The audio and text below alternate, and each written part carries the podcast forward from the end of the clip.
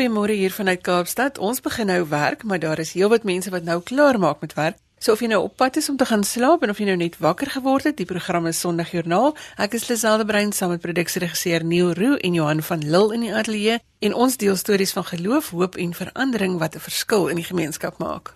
Ons gesels soos gewoonlik vanoggend geloofsaake tot 8uur en vandag se fokus val wêreldwyd op godsdienstvryheid. Ons gaste om hieroor te gesels is Dominee Pieter Grove en hy is die moderator van die VGK se node. Advokaat Nadine Badenhorst van Forsa verduidelik vir ons hulle werk en Dr. Braam Hannekom gesels oor die onlangse gebedsgeleentheid by die parlement in Kaapstad. Ons gaan afsluit met 'n stukkie kleurinspirasie deur Dr. Janie Leroux. Jy hoef natuurlik niks mis te loop nie want Sondagjoernaal is altyd na afloop van die program as 'n potgooi beskikbaar op RSG se webwerf. Van daar kan jy dit op jou rekenaar aflaai by rsg.co.za. Jy gaan soek by gehoor op lig vir Sondagjoernaal en kies dan 'n datum van die program wat jy wil aflaai. Ons gaste se kontakdetail is ook daar te kry en ons is ook op DSTV se audiokanaal 813 en al die detail is ook op Sondagjoernaal se Facebook bladsy. En onthou Sondagjoernaal skryf ons met 'n koppelteken wanneer jy iets soek op Facebook.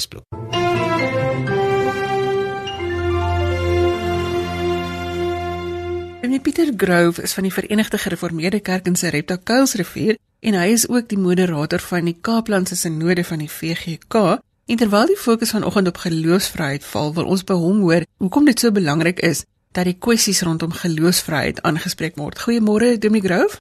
Goeiemôre. Hoekom is die gesprek rondom geloofsvryheid so belangrik? Geloofsvryheid is onder druk nie net in Suid-Afrika nie, maar ook uh, globaal. In baie lande is dit onmoontlik om jou geloof met uh, volkomme vryheid uit te lewe en ehm um, jou uh, geestelike lewe te organiseer soos jy graag wil binne gemeenskappe wat dieselfde waardes en perspektiewe deel. En uh, op die oomblik word ons gekonfronteer met 'n kommissie hier in Suid-Afrika, die Commission for Religious and Language Rights, wat 'n uh, proses begin het om die regulering van godsdienste in Suid-Afrika te doen, te bevorder en ek dink dit is totaal verkeerde weg wat hulle geslaan het. Maar belangrikste rede is dat die vryheid van geloof en die vryheid van gewete is absoluut uh, absoluut fundamenteel tot mense se sin van waardigheid en hulle reg om te kan kies wie en wat hulle wil wees. Uh hierdie reg, as jy dit wegneem, dan affekteer jy al die ander regte, byvoorbeeld die reg van van vryheid van spraak, van uitdrukking, die reg om te kan assosieer met ander van jou keuse. Dit is baie baie fundamentele regte. Jy vind in die praktyk self dat wanneer mense uh, in hulle geloofsvryheid bedreig word, hulle bereid is om hulle lewens op te offer daarvoor. Wat vir jou wys dat dit is 'n absoluut diep saak en ons moet nie maklik daaraan torn nie. In feite, ons behoort baie baie helder en duidelik uit te staan dat ons die reg op geloofsvryheid in al sy volle fasette sal verdedig wat dit nodig het. En dit geld nie net vir ons eie geloofsvertuiging nie, dit geld ook vir die geloofsvertuiging van ander mense. Want in die mate waarin ons vir onsself opstaan, moet ons ook vir ander opstaan. Wat maak die Christelike geloof anders as ander gelowe en hoe pas dit by geloofsvryheid in? Kyk, die, die Christelike geloof het uh eeue gelede in baie opsigte die algemene benadering gehad wat in die wêreld bestaan het en ander godsdienste ander ideologieë dat daar is net een absolute waarheid wat ons voor moet stry en ons moet dit afdwing. Nou dit is waar die waar die groot verskil is. 'n Mens kan glo in jou eie geloofs-oortuigings. Jy kan dit as die volle waarheid uh, aanvaar vir jouself, maar jy het absoluut geen reg om daardie waarheid deur geweld of een of ander vorm van dwang af te dwing op ander mense nie. Hoe kan jy mense wen vir 'n goeie saak, selfs vir die waarheidsaak, as jy hulle forceer om dit te aanvaar, want dan aanvaar hulle dit nie op grond van die van die waarde daarvan nie, maar op grond van eksterne faktore. Dit is die reformatie 1517, Martin Luther, later Johannes Calvin, nog later John Knox en vele ander was die stryd om geloofsvryheid was het baie sentraal geword. Toe Luther opstaan en sê dat uh, hy moet oortuig word op grond van Bybelse argumente dat hy verkeerd is in sy standpunt en dan sal hy toegee.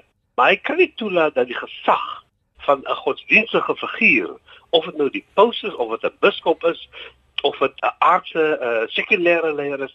Hierdie mense kan nie vir jou bepaal wat reg en wat verkeerd is. Jy moet vir jouself op grond van jou eie godsdienstige literatuur doen. Maar dit geld vir almal hoor, dit geld nie net vir Luther en vir ons nie, of vir Christen, dit geld vir almal. Maar daardie standpunt wat baie baie skerp getoets deur die geskiedenis en die praktyk. Calvin het die probleem gehad dat daar was iemand uh, met naam van Servetus wat 'n baie bekwame persoon wees, 'n intellektueel en ook 'n groot godsdienstige figuur en hy het die standpunt van die Christene uitgedaag rondom sekere fundamentele godsdienstige waarhede van die Christelike geloof. En Calvin het probeer om met hom te redeneer en hom nie oortuig nie. En uiteindelik is hierdie man oorgegee om uh verbrand te word. Nou, hy het vasgestaan, dit is die interessante ding. Hy het gesê nee, my geloofsbetuiging is belangrik, selfs as die dinge wat jy aan my liggaam wil doen. Ek gee liewer my liggaam prys as om my geloofsbetuiging prys te gee. Nou in daardie smeltkroes het die besef ontstaan dat uh, selfs in die mees fundamentele dinge moet is absoluut gebiedend, moet jy mense die vryheid gee om self te kies. Selfs om die Christelike geloof te kies of die Christelike geloof te verwerp. Daar is grense wat ons kan doen. Aan die einde van die dag sê ons as Christene in elk geval, ons sê dis die Heilige Gees wat ons oortuig. Dis nie mense nie. Nou maar dan moet jy toelaat dat die Heilige Gees sy werk doen. Dan moet jy nie probeer om in die plek van die Heilige Gees mense met met krag te forceer nie. Nou wat toe gebeur het, is dat soos die protestantse geloof in Europa toe versprei het is gemeenskappe en selfs families in kampe verdeel. En omdat hierdie mense albei 'n absolutistiese standpunt gehad het van jy moet 'n sekere ding glo en as jy dit nie glo nie, dan elimineer ons jou. Het dit toe gebeur dat daar massiewe oorloë ontstaan het. Die hele Europa is geskit deur godsdienstige oorloë. Wat uiteindelik ontstaan het, is die sogenaamde sekulêre uh ooreenkoms wat sê dat as jy in 'n sekere gebied is, op daardie stadium natuurlik dis daar het al verder ontwikkel op daardie stadium as jy 'n sekere gebied is dan sal jy die godsdiens van die leier van die land die regering van die land sal jy respekteer en jy sal daarvolgens praktiseer. En so is Europa tussen die katolieke en die protestante verdeel. Dit het baie jare gekos. Daar was die 30 jaar godsdienstige oorlog en uiteindelik was daar 'n uh, toe ooreenkoms gemaak. Ek dink dit was by 'n verdrag van Wesfalië dat die verskillende kampe toegesê het nee, die oorlog moet tot 'n einde kom. En om die oorlog tot 'n einde bring, moet ons erken, moet mense se godsdienstige vryheid en hulle reg op hulle vryheid van gewete moet jy erken. En jy moet dit in die reg vas lê. Moet ek daar byvoeg? Wat beteken dit in die praktyk?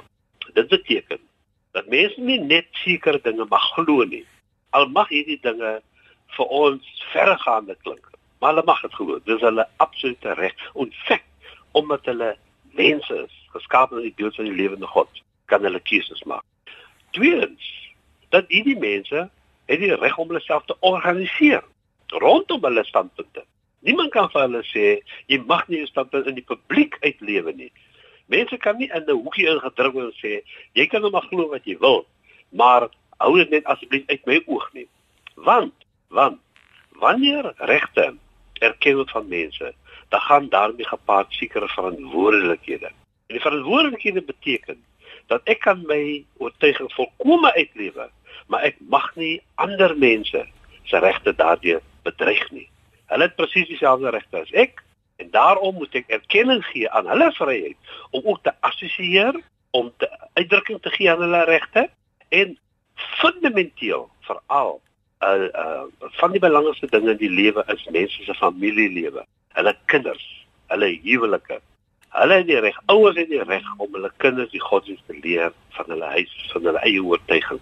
Die staat mag nie daarbey inmeng nie.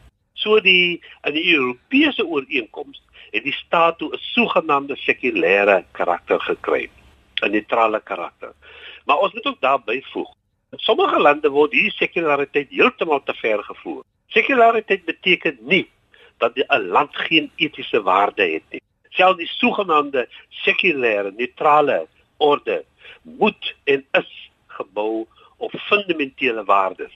En een van daai fundamentele waardes is die reg op vryheid van spraak, die reg op vryheid van assosiasie, die reg op vryheid van jou godsdiens en jy moet dit ook kan propageer. So dis baie belangrik.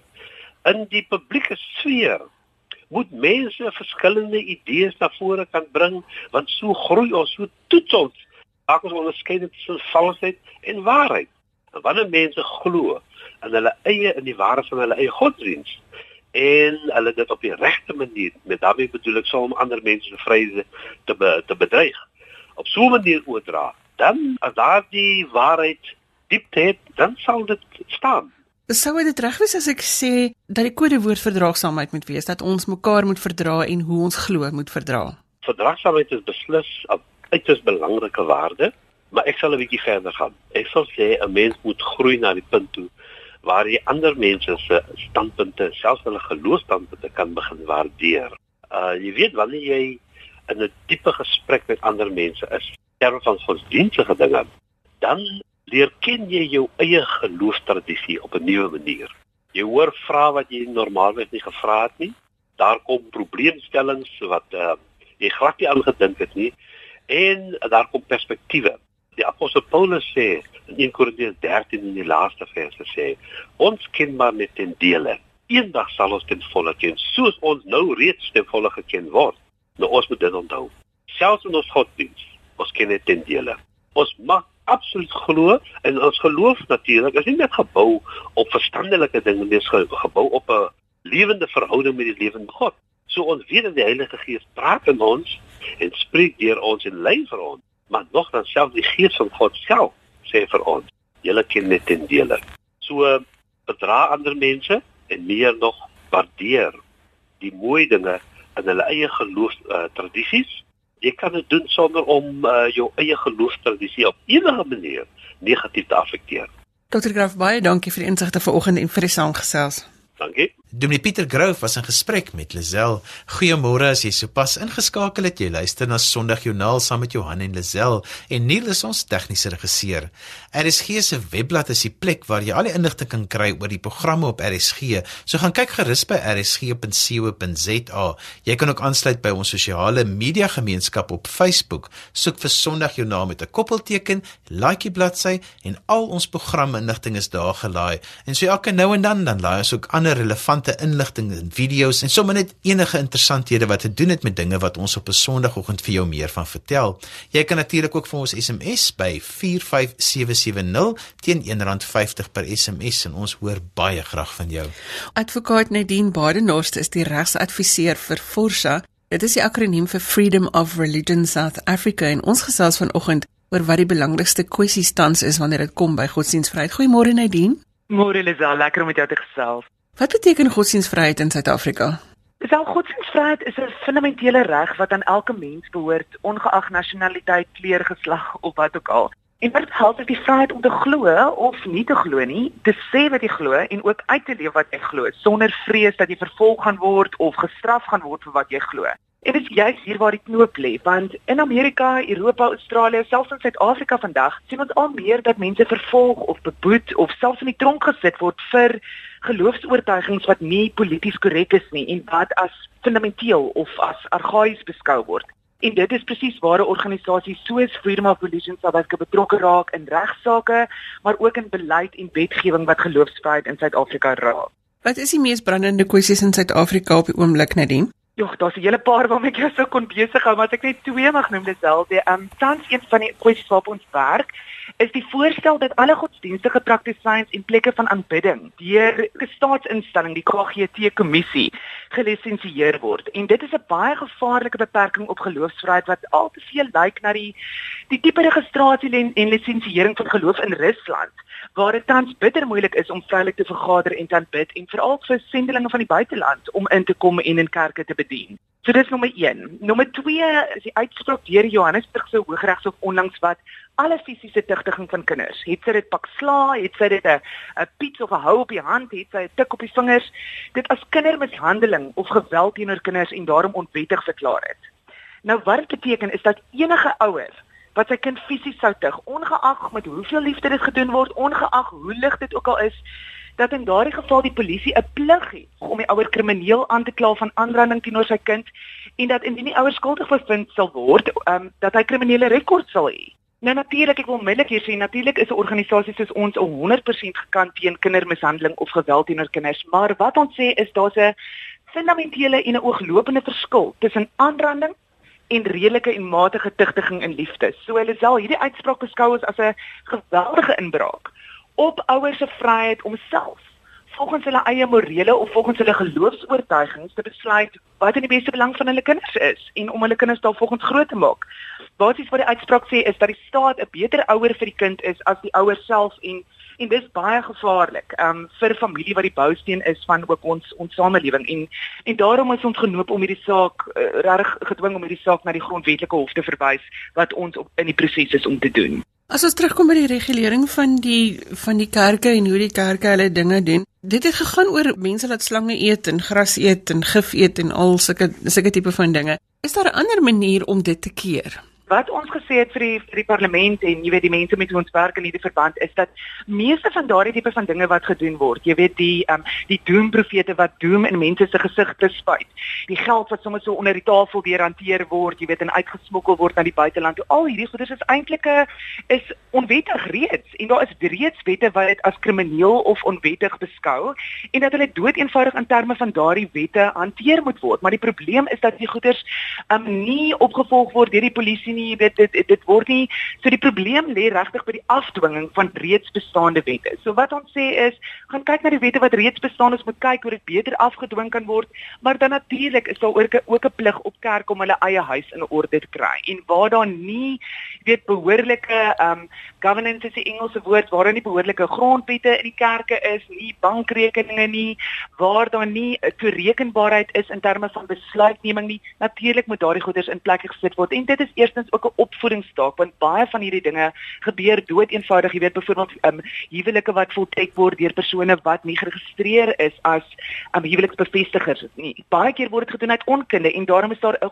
geweldige opvoedingsstaak wat die regering kan doen. So ons is definitief in die proses om te kyk hierna besig as kerke, denominasies, godsdienstige groepe van 'n van regtig wyd versprei om met mekaar te praat. En en wat onlangs uit die sessies by die parlement gekom het is is werklik dat daar 'n behoefte is aan 'n 'n nasionale konsultatiewe forum waar ons as kerke, as denominasies, as gelowiges in Suid-Afrika oor verskillende geloofsgroepe met mekaar kan praat en sê hoe kan ons hierdie situasie hanteer. Maar wat dit moet wees is dis 'n oplossing wat ons soek deur die geloofsgemeenskap van Suid-Afrika vir die geloofsgemeenskap van Suid-Afrika, maar wat ons nie meer kan saamgaan nie, is enige vorm van regulering deur die staat.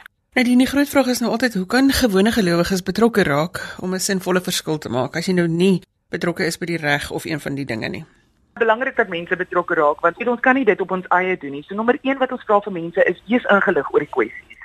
En 'n manier hoe mense ingelig kan wees oor die kwessies is om te gaan op ons webwerf en ek gaan die webadres gee, dis www.forsa f o r s a www.org.za. Daar is baie artikels wat daar verskyn oor die tipe van werk wat ons doen, wat die belangrike kwessies op die oomblik is, hoe mense betrokke kan raak. Mense kan ons ook volg op Facebook by Freedom of Religion SA. En mense kan ook opteken op ons webwerf vir die nuusbrief wat ons gereeld uitstuur. So die eerste belangrike ding is wees ingelig. Ons gee baie keer voorbeelde vir mense terme van hoe hulle submissies kan maak aan die parlement, hoe hulle betrokke kan raak, maar maar inligting is die eerste ding. Dan die tweede ding is natuurlik bid asseblief. Dit is um ons ons kan nie dit doen sonder, jy weet, um gebedsdekking nie en ons ons waardeer regtig elke persoon wat ook vir ons intree in gebed.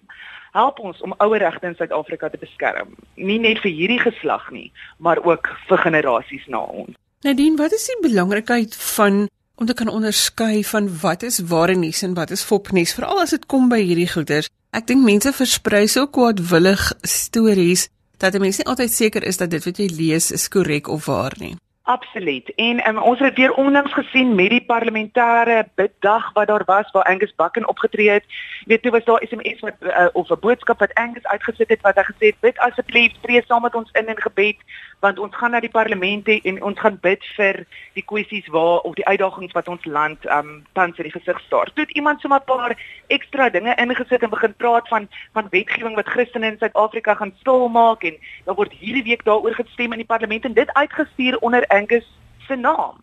En die dinge toe natuurlik die die ronde gedoen en jy weet ons kry dit wels navraag oor hierdie tipe van kwessies. So dis dis baie belangrik eerstens is dat mense nie sommer die verantwoordelikheid neem om om boodskappe te verdraai nie jy weet want dit is dis ook mense soos Angus en en organisasies soos onsself se se geloofwaardigheid wat daardeur in die gedrang gebring word deur deur vals nuus wat uitgesit word.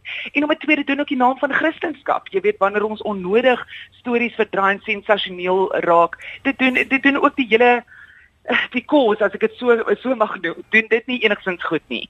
So wat ek sou voorstel is moenie sommer goeders versprei nie. Dis baie maklik om jy weet as mense Google en sê jy weet is hierdie storie waar daar's 'n organisasie in context wat uh, dit is 'n Suid-Afrikaanse organisasie wat spesifiek kyk na hierdie fopnuus en hulle uh, jy weet amper daaglikse um, sit hulle op hulle webwerf is hierdie storie waar hierdie SMS hierdie e-mail is dit waar is dit nie waar nie?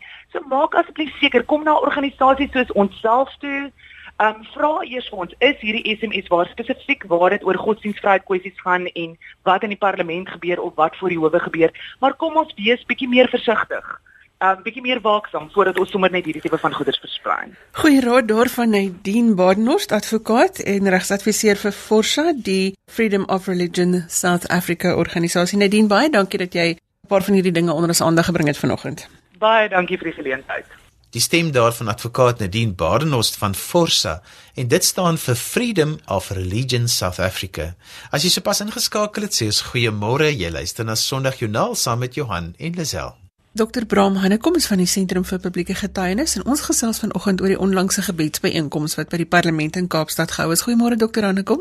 Goeiemôre Lisel. Daar was 'n groot gemeenskap van geloofsleiers bymekaar in die parlement die 24ste November. Jy was ook daar gewees. Vertel vir ons dis 'n baie breë basis van Christelike groeperinge wat bymekaar gekom het uh, in die parlement die 24ste omtrent 250 mense was daar om regtig vir Suid-Afrika te bid en om hulle self voor God te verootmoedig en te vra dat hier letterlik 'n nuwe land met 'n nuwe hart gebore sal word om ons vorentoe te vorentoe te vat. En dit was uh, regtig persoonlik uh, vir my 'n aangrypende ervaring. Dit was in die ou raadsaal gewees met al sy historiese herinneringe en dit was eintlik ongelooflik om om te beleef hoe daar so 'n verskeidenheid van mense, wit, bruin en swart, mans, vroue, ek wil almal bymekaar daar in die parlement te wees en saam met 'n wonderlik uitgewerkte liturgie hulle self voor God verootmoedig. Die byeenkoms sy ontstaan gehad. Wie het daarvoor gevra? Weet jy dit is dit is 'n groepie gebedsvriende. Uh, ek weet dat eh uh, meneer Graham Tower wat destyds baie betrokke was by die Global Day of Prayer dat hy het eh, 'n uh, groot rol um, gespeel. Uh, en was 'n groot katalisator om 'n groepering van mense bymekaar te bring. En dit dit was 'n verskeidenheid uh, mense. Jerry Pelay wat voor die moderator van die Presbyteriaanse kerk was was daar uh, gewees. Mossen Kla ehm um, uh, die voorsitter van TISA die Evangelical Alliance of South Africa Mary Ann Plaatjes die van master van die VGK Ag en dan sommer net eh, eh, dit is amper te veel om te noem die, die name van mense wat daar was. Wat was jou ervaring van die byeenkoms? Dit was verootmoediging, maar weet jy wat my seker die diepste geraak het, was die belydenisse van wit en swart mense teenoor mekaar vir die pyn wat ons vir mekaar uh, in hierdie land aangedoen het. En dit was regtig oor die spektrum 'n ongelooflike wye verskeidenheid mense wat dit gedoen het en teenoor mekaar bely het dat ons maak mekaar seer, ons het mekaar seer gemaak. Vir die Here is dit nie goed nie. Kom ons vergewe mekaar en ons moet regtig konstruktief uh, vorentoe beweeg gaan. Bram, daar's nou ook 'n hele paar ander geleenthede wat aandui dat die kerk ernstig besig is om betrokke te wees by die land en 'n verskil op verskillende vlakke te maak. Ja, en selfs die tweede uh, byeenkoms waarvan ek bevoorreg was om deel te wees, is 'n byeenkoms wat nou baie onlangs plaasgevind het um onder leiding van aartsbiskop Tabo Magova van die Afrikaanse Kerk wat 'n inisiatief geneem het om 'n klompie mynhuise bymekaar te kry en ook vakbonde wat betrokke is by die mynbou en dan geloofsleiers oor 'n baie breë spektrum. Om saam te praat oor mynbou in Suid-Afrika, oor die oor die toekoms van mynbou in Suid-Afrika, hoe dit 'n sterker morele basis kan kry, hoe die menswaardigheid van almal wat daarbey betrokke is beskerm kan word, die volhoubaarheid van die mynbou, hoe werk beskerm kan word, hoe ons ekologies vriendeliker kan myn.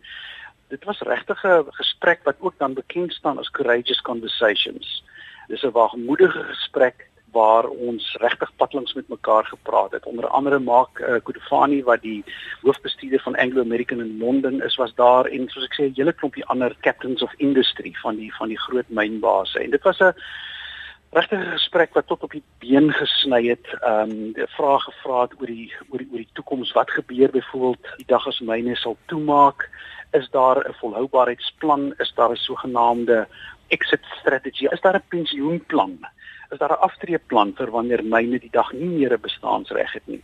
Sonder net 'n uh, pynlike stukkie statistiek. 'n Paar dekades gelede het Suid-Afrika tot soveel as 40% van alle minerale in die wêreld geproduseer. Vandag is ons persentasie aandeel maar net hier rondom 4%. In 79 het ons mynbou 21% van ons bruto binnelandse produk beloop. Nou is dit 7%. Ons het 400 000 werksgeleenthede verloor.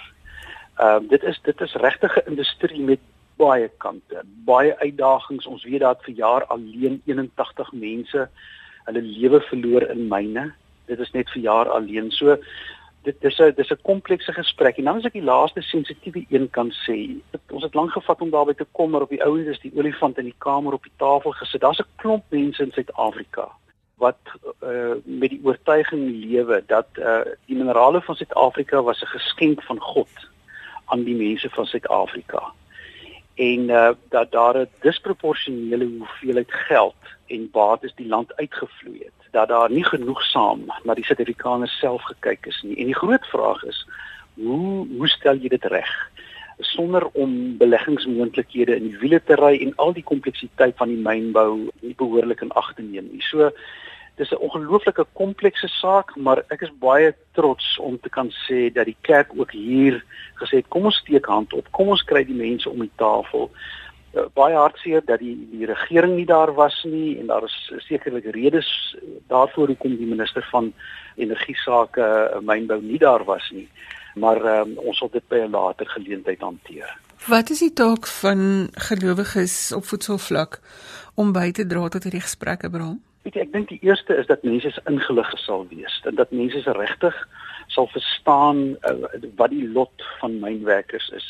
Jy weet, Lisel, ek was 'n tyd gelede was ek uh, ek wil nie sê bevoorreg nie, maar het ek in 'n myn afgegaan en welkom tot daar in goudmyn 2-3 km onder die aarde daar waar die voorste ontploffingslik amper sê uh, die rotse weggeskiet word en 'n nuwe skagte gesink word dit is ondraaglik. Ek moet die hitte, die humiditeit, die omstandighede en soos ek sê dan verloor mense, uh, jy weet in die proses hulle lewens. Dan wil ek nie eers praat oor die sosiaal-maatskaplike omstandighede wat rondom myne gegroei het nie. Ehm um, eers met die trek arbeidsstelsel nou met 'n hele klomp ander faktore wat wat bydra dat dit 'n uh, eintlik 'n sosiaal-maatskaplike katmes geword het. So uh, die, die eerste is dat ons sensitief daarvoor sal wees as daar mense uit die mynbougemeenskap is wat luister na hierdie program, dan kan ons regtig vir hulle sê van die kerk se kant af is uh mense verstaan die die pyn van werkverliese, myne wat skielik toemaak van die kerk se kant af het ons ook gesê daar moet nou planne in plek kom. Uh dis nie net goed genoeg om 'n rehabilitasieprogram vir die vir die vir die omgewing te hê nie.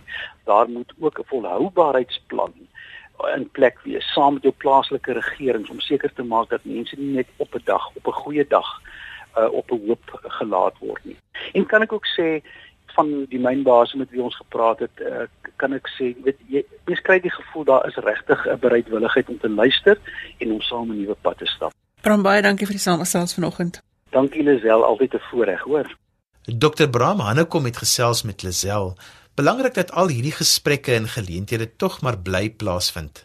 Ons sluit af met Dr Janie Leroux in ons inspirasiespasie.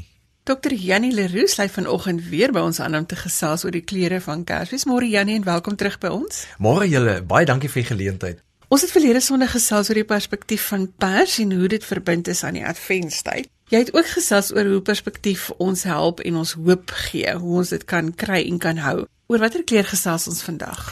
Vandag is die sogenaamde tweede Advent Sondag en soos verlede keer genoem kom die woord Advent van die Latynse woord vir koms en dis veral met die gedagte van die koms van 'n belangrike persoon of gebeurtenis en in ons Christelike geestelike storie het dit die betekenis gekry van die koms van Jesus Christus.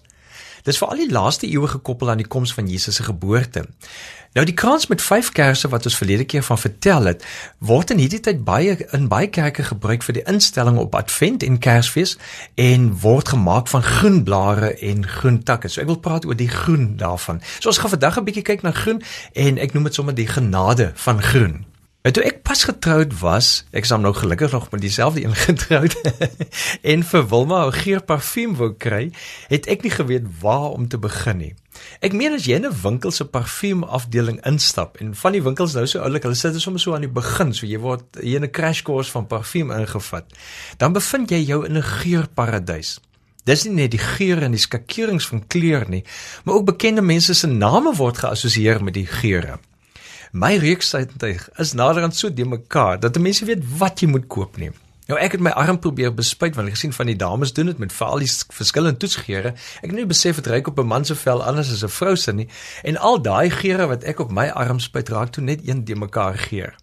Ek wonder wat die mense gedink het wat agter my rug verbygeloop het. Maar toe ek nou met Wilma praat, toe sê sy vir my: "Koop vir my iets wat jou aan groen laat dink." En vir die eerste keer as ek ingelei in die geheimenis van die geur van kleur. Ek het elke botteltjie bereik totdat ek iets gekry het wat min of meer na vars jong groen geruik het. Ek moet byvoeg, ek het nie besef daar soveel geure groen ook nou nie.